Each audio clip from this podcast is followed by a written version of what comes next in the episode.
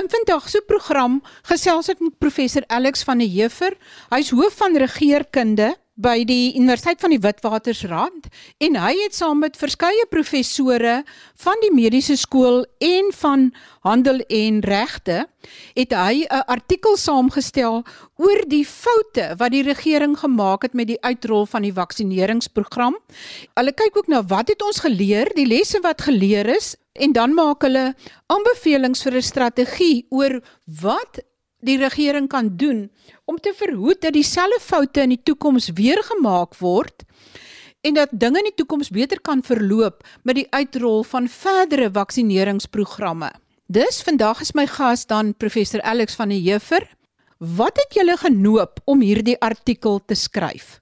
We were trying to evaluate the the strategic approach that can be identified from the actions that government took during 2020 and 2021. The reason for doing that is to look at whether or not the strategic decision making made sense. And a lot of it didn't make sense. Now, we don't necessarily have access to any specific strategy that was being developed. What we're trying to do is to decipher the implied strategy.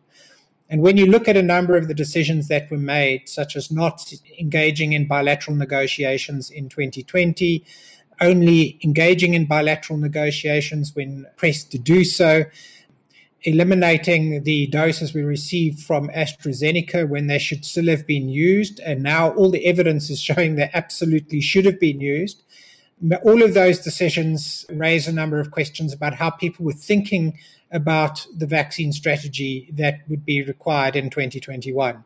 And one of the kind of findings is that government was apparently, at least in, in terms of what they're saying, apparently being excessively cautious about the decisions they were making. So on the one hand, suggesting that they would entirely put their all their eggs in the basket of COVAX, this sort of uh, multilateral framework, was always going to leave us short of vaccines. And uh, we are aware that there was always going to be vaccine nationalism. It's going to happen. You, it's a predictable issue. So you have to, in your strategy, build that in as a contingency. And we clearly didn't. So there's a lot of decisions that weren't made because there was no decision making that was appropriate for the conditions of uncertainty that we were facing. And we feel that a lot of that could have been preempted. It's not the, the uh, 2020 vision of hindsight. You make these decisions when you don't have complete information, you have no choice. So you have to build in contingencies for what might go wrong, what people are likely to do and build that into your strategy and none of that was really done. Professor van der wat was die sleutelfoute wat gemaak is? Julle wys in die artikel uit dat die regering aanvanklik net op die COVAX inisiatief staat gemaak het en op geen ander manier probeer het om vaksines te bekom nie en toe net op AstraZeneca en toe dit uitbom was hulle basies op hulle agtervoet. So they were already on the back foot when they had no bilateral negotiations. So it wasn't that they didn't have any contact in 2020. It's just that they weren't really bothering to engage to conclusion in 2020. And that was very clear. So when there was a huge pressure put on government to get their act together very early in January of 2021, they suddenly began negotiations with AstraZeneca and with the Serum Institute of India. And within a week, they had uh, effectively agreed to 1.5 million AstraZeneca doses. So that shows what can happen if you're actually getting on with the job. Now, think of how many doses they would have actually been able to access had they begun negotiations earlier. Then we always had the opportunity of accessing the uh, Johnson and Johnson doses because up to 300 million could be finally produced, at least the fill and finish aspect. The vaccines will arrive in South Africa, be full and finished in South Africa, and re exported. 300 million doses in 2021.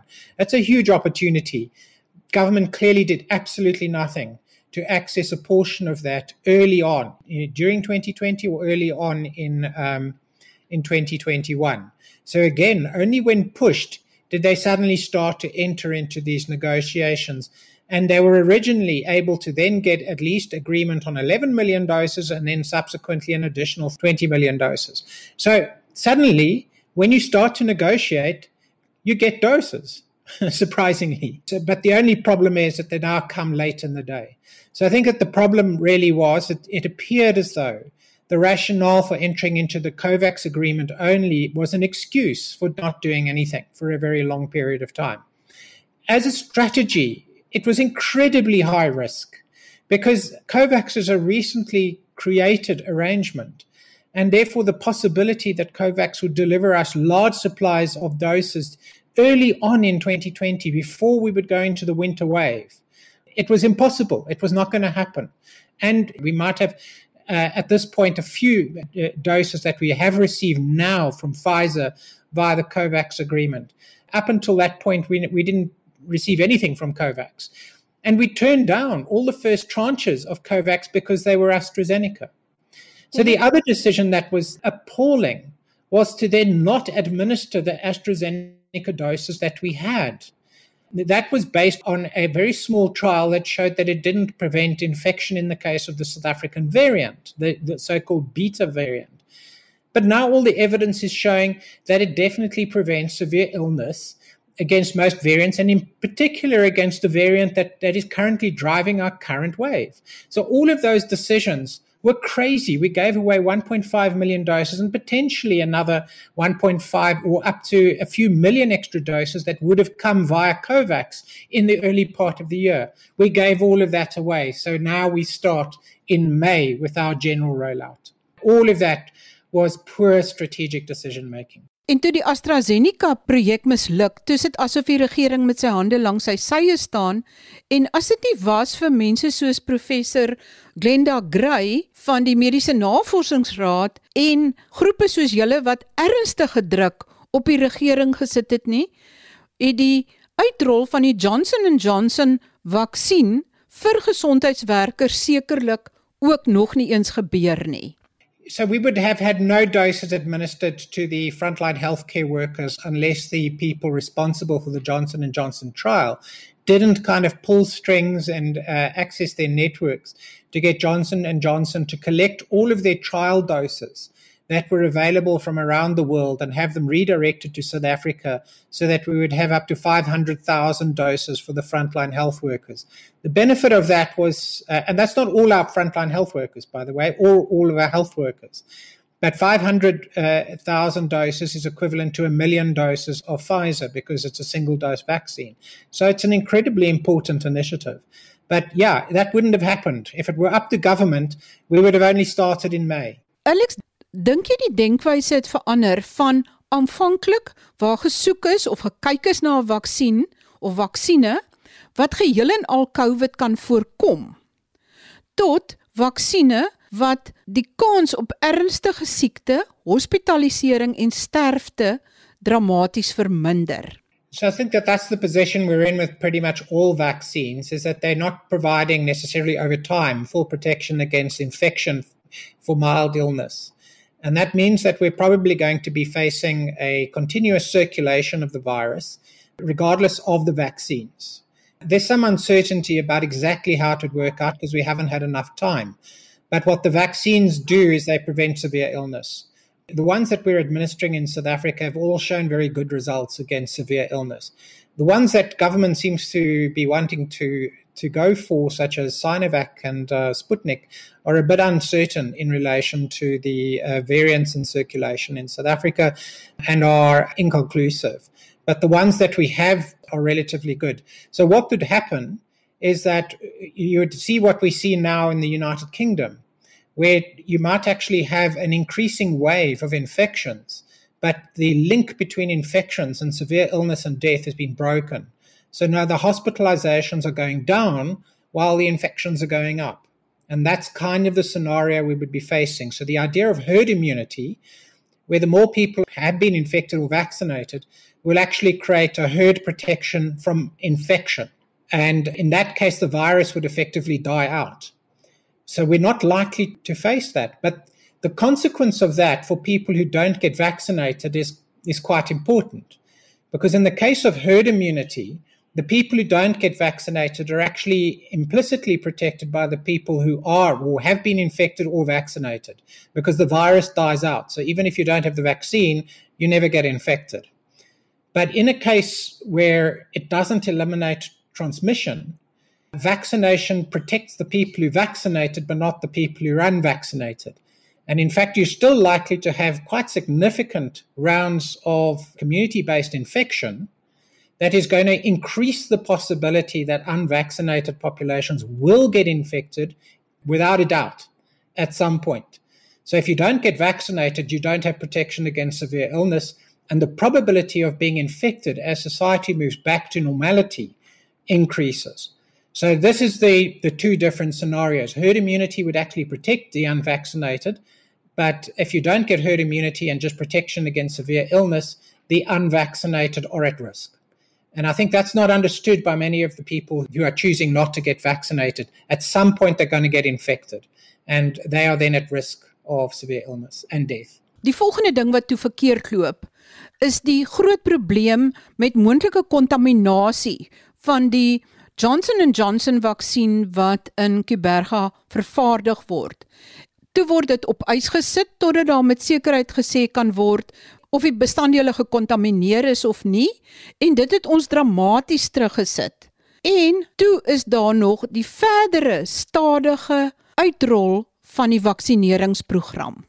So the vaccination program naturally would begin slowly as you kind of expanding vaccination sites and getting the logistics right.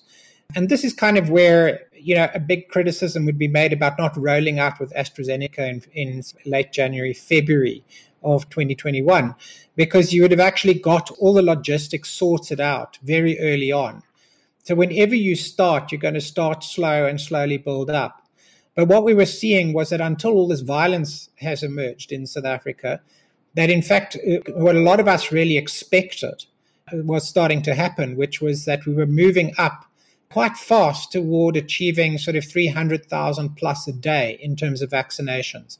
So we were that the bottleneck wasn't actually going to be our rollout and our ground game. It was largely going to be our access to doses. We were achieving scale now quite easily as we expanded with the private sector coming fully on board and uh, fast expanding sites, it was just growing and growing. The EVDS system, which was set up for the Sisonke trial, was rolled out as part of the general registration process, and it had some hitches. But in essence, we did have a registration system, and we could actually use that to control the logistics for distribution. In other words, manage supply and demand to the different sites. I think we've done quite well in expanding. But the only issue is we began sort of late in the day, and it would we would have been at a much higher scale and vaccinated more people if we began in February as we should have. Indien die vaksineringsprogram vroeër begin het, sou ons nie reeds met die aanvang van die derde golf 'n groot verskil kon gesien het dat daar nie so baie hospitalisasies en sterftes sou gewees het as ons al verder gevorder was met die vaksineringsprogram nie. Met ander woorde, kon baie van die hospitalisasies en sterftes nou tydens hierdie derde golf nie voorkom gewees het nie.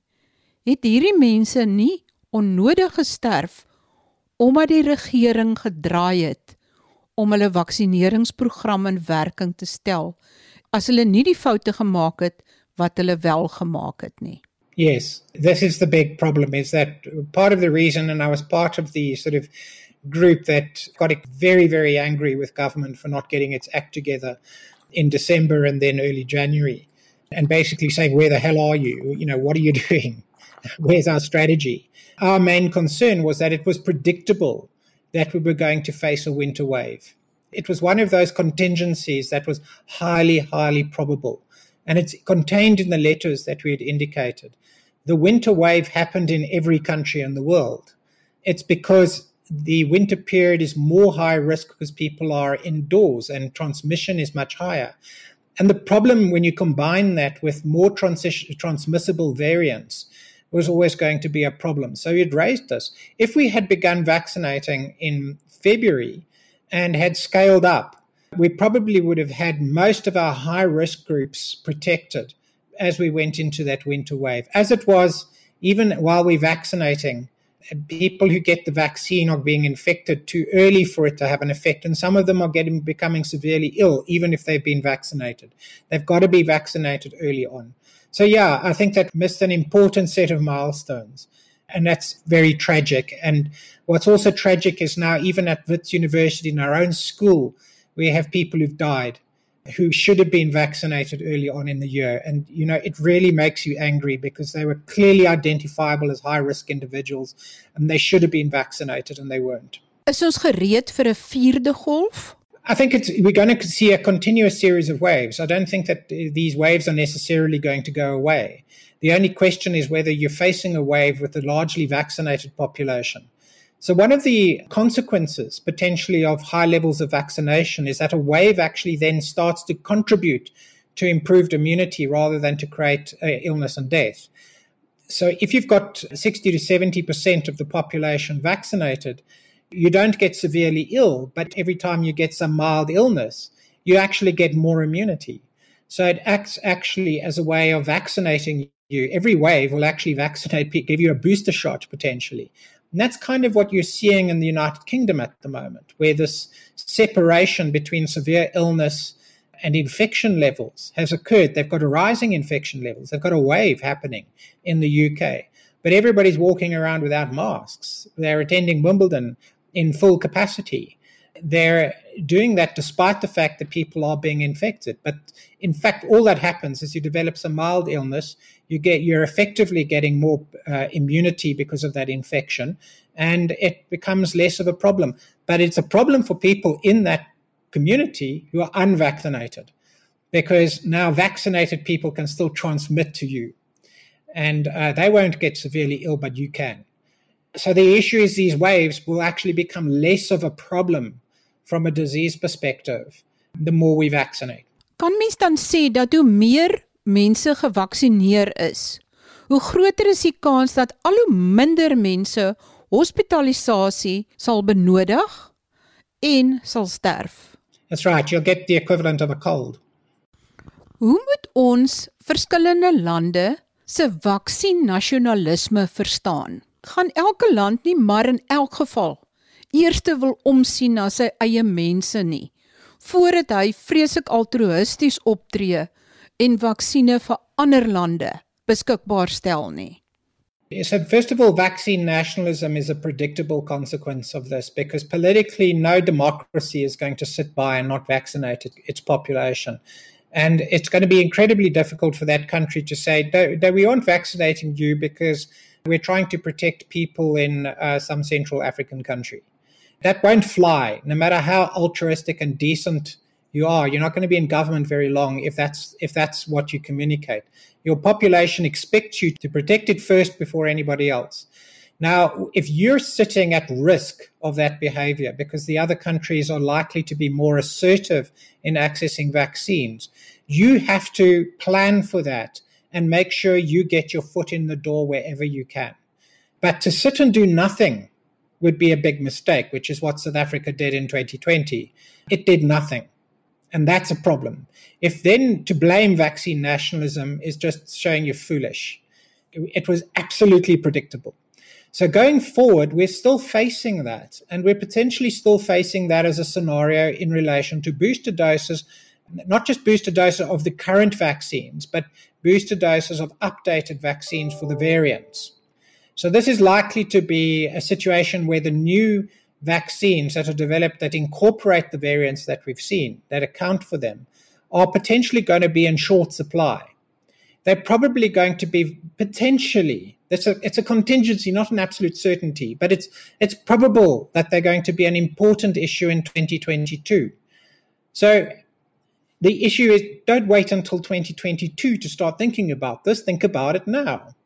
The second issue is that we're likely to have a glut of the original vaccines without accounting for the variants.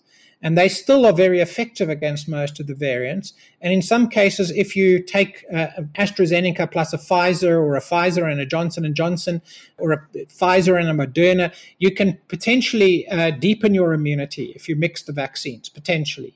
So you can still work effectively with these doses. So you should certainly be booking these doses and not waiting again forever before you get more doses booked. So, but what appears to have happened is that we don't appear to have negotiated for more doses than the ones that have been reported thus far for Johnson and Johnson and Pfizer. And that is potentially a problem because we're potentially going into a period where it'll be easier to get those vaccines than it was at the beginning of the year. So we shouldn't be sitting on our hands. So it's those two important strategies that uh, I, think need to be kind of thought through. Book doses now for updated vaccines for 2022 and get as many more doses as you can in 2021, uh, taking into account that from July and into August, many of the advanced countries that had an advantage in booking doses are now going to be sitting with big surpluses and it's quite possible that you know the two aspects that are important is the protection against infection and the protection against severe illness. And it's quite likely that we may not even need the updated vaccines. But what you do is you plan for the possibility that we do need them it would be better that we're left with a surplus of doses rather than a deficit and that's how you think about it as a problem. So part of why we were writing the article in that way was to say, think about this as a set of risks that you've got to take into account. You've got uncertainty. We don't absolutely know whether or not we will need an updated vaccine, but there's a strong possibility we will. So don't wait so that we only access them in 2023 after we've had waves of variants that are actually causing severe illness despite being vaccinated. That's really how we were orienting it because the cost of these vaccines is nothing in comparison to the economic devastation they cause if we have severe illness as an outcome. Is daar enige indikasie dat die regering hulle steur aan hierdie voorstelle? Well, there's no no evidence of it. Essentially, all we see is what we're being told about the vaccines that they have acquired up until now. So they've acquired the Pfizer doses and they've acquired a, a certain number of Johnson and Johnson doses. They seem to be pretty happy to sit on their hands and worry about the rollout now. Um, I think that's a big mistake. They've also noted they uh, tried to appear to be keen to negotiate for the Chinese Sinovac vaccine instead of going for what will be the surplus doses of Pfizer, Johnson and Johnson, and even Moderna, as the United States goes into a glut. So we should really be looking at those potential vaccines because they've all been shown to be very effective against the, the variants we're facing. Now, then there's also the AstraZeneca vaccines. Now, although the Serum Institute of India is directing all of its production into India because of its crisis, AstraZeneca is not just produced in India, it's produced in many other settings around the world. We should be negotiating for those doses with AstraZeneca now as well. So, four potential vaccines would probably be very useful. Moderna, AstraZeneca, um, Pfizer, Johnson and Johnson. So really, I don't know what's happening with these particular groups, and I would certainly give them preference over Sinovac, which has very uncertain uh, outcomes. And SAHPRA, the regulator, has only approved it for people in the sort of lower risk categories. And that's because they're very uncertain as to how much it protects against severe illness. They just don't have enough information. So they're rather giving it to people who are less likely to end up with severe illness. And that to me is not a good strategy. We need to basically be giving doses where there's good protection. En wat van die Sputnik vaksin van Rusland? So there's not appears to be not enough data on both infections, all the levels of efficacy that you'd assess it. And so SAHPRA has not approved it as such. It's waiting for more information. There was very good evidence, they would be rushing its approval, but they are not Sy hulle wil sien dat die regering en dan sekerlik spesifiek deur die departement van gesondheid nader saamwerk met mediese raadgewers en navorsers soos julle en dan ook luister na hulle aanbevelings. Well, I think they are working with experts and scientists. The only issue that has been raised and criticism is whether or not how that information is actually being used in decision making. because there appears to be some inconsistency in translation from some sort of engagement to where some smoky room makes a final decision. Now, it's appropriate that government must take into account a wide range of factors when making a final decision on a strategy, but you must be able to explain your decision at the end of the day, even if you deviate from what scientists have recommended. And it's important to note that the scientists themselves are not necessarily able to necessarily account for all the factors that are central to a final decision. But the facts that they present are important, and their intuitive position on contingent risks are quite important. In other words, we aren't certain about this, but we think this is a good way of thinking about this problem. That's quite important. And you might then balance that with people in other disciplines like economists or sociologists who might talk about what the sort of community impacts would be of restrictions or interventions. And then you make a decision based on that. What has been a concern is that government has been taking into account some other kind of issue that has nothing to do with the virus.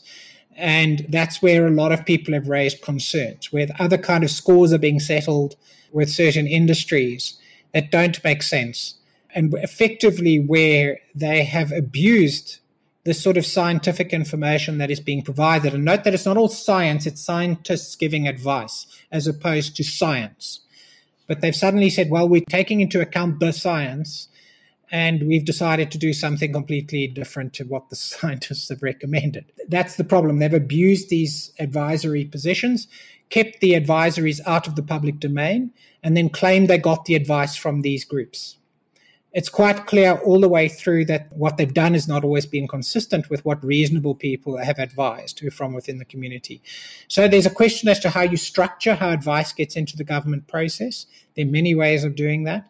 I think the problem has really been just what is being taken into account in a final decision and I think it's got better over time. Ons wens almal dat die regering beter sal luister na die mediese raadgewers as dit gaan oor dinge wat ons gesondheid raak, maar in samewerking met al die ander sektore se raadgewers sodat ons ekonomie nie in duie stort nie. Volgende week gesels ek oor waar jy begin as jy oorgewig is en jy wil gewig verloor. Tot volgende week dan groete van my Marie Hudson.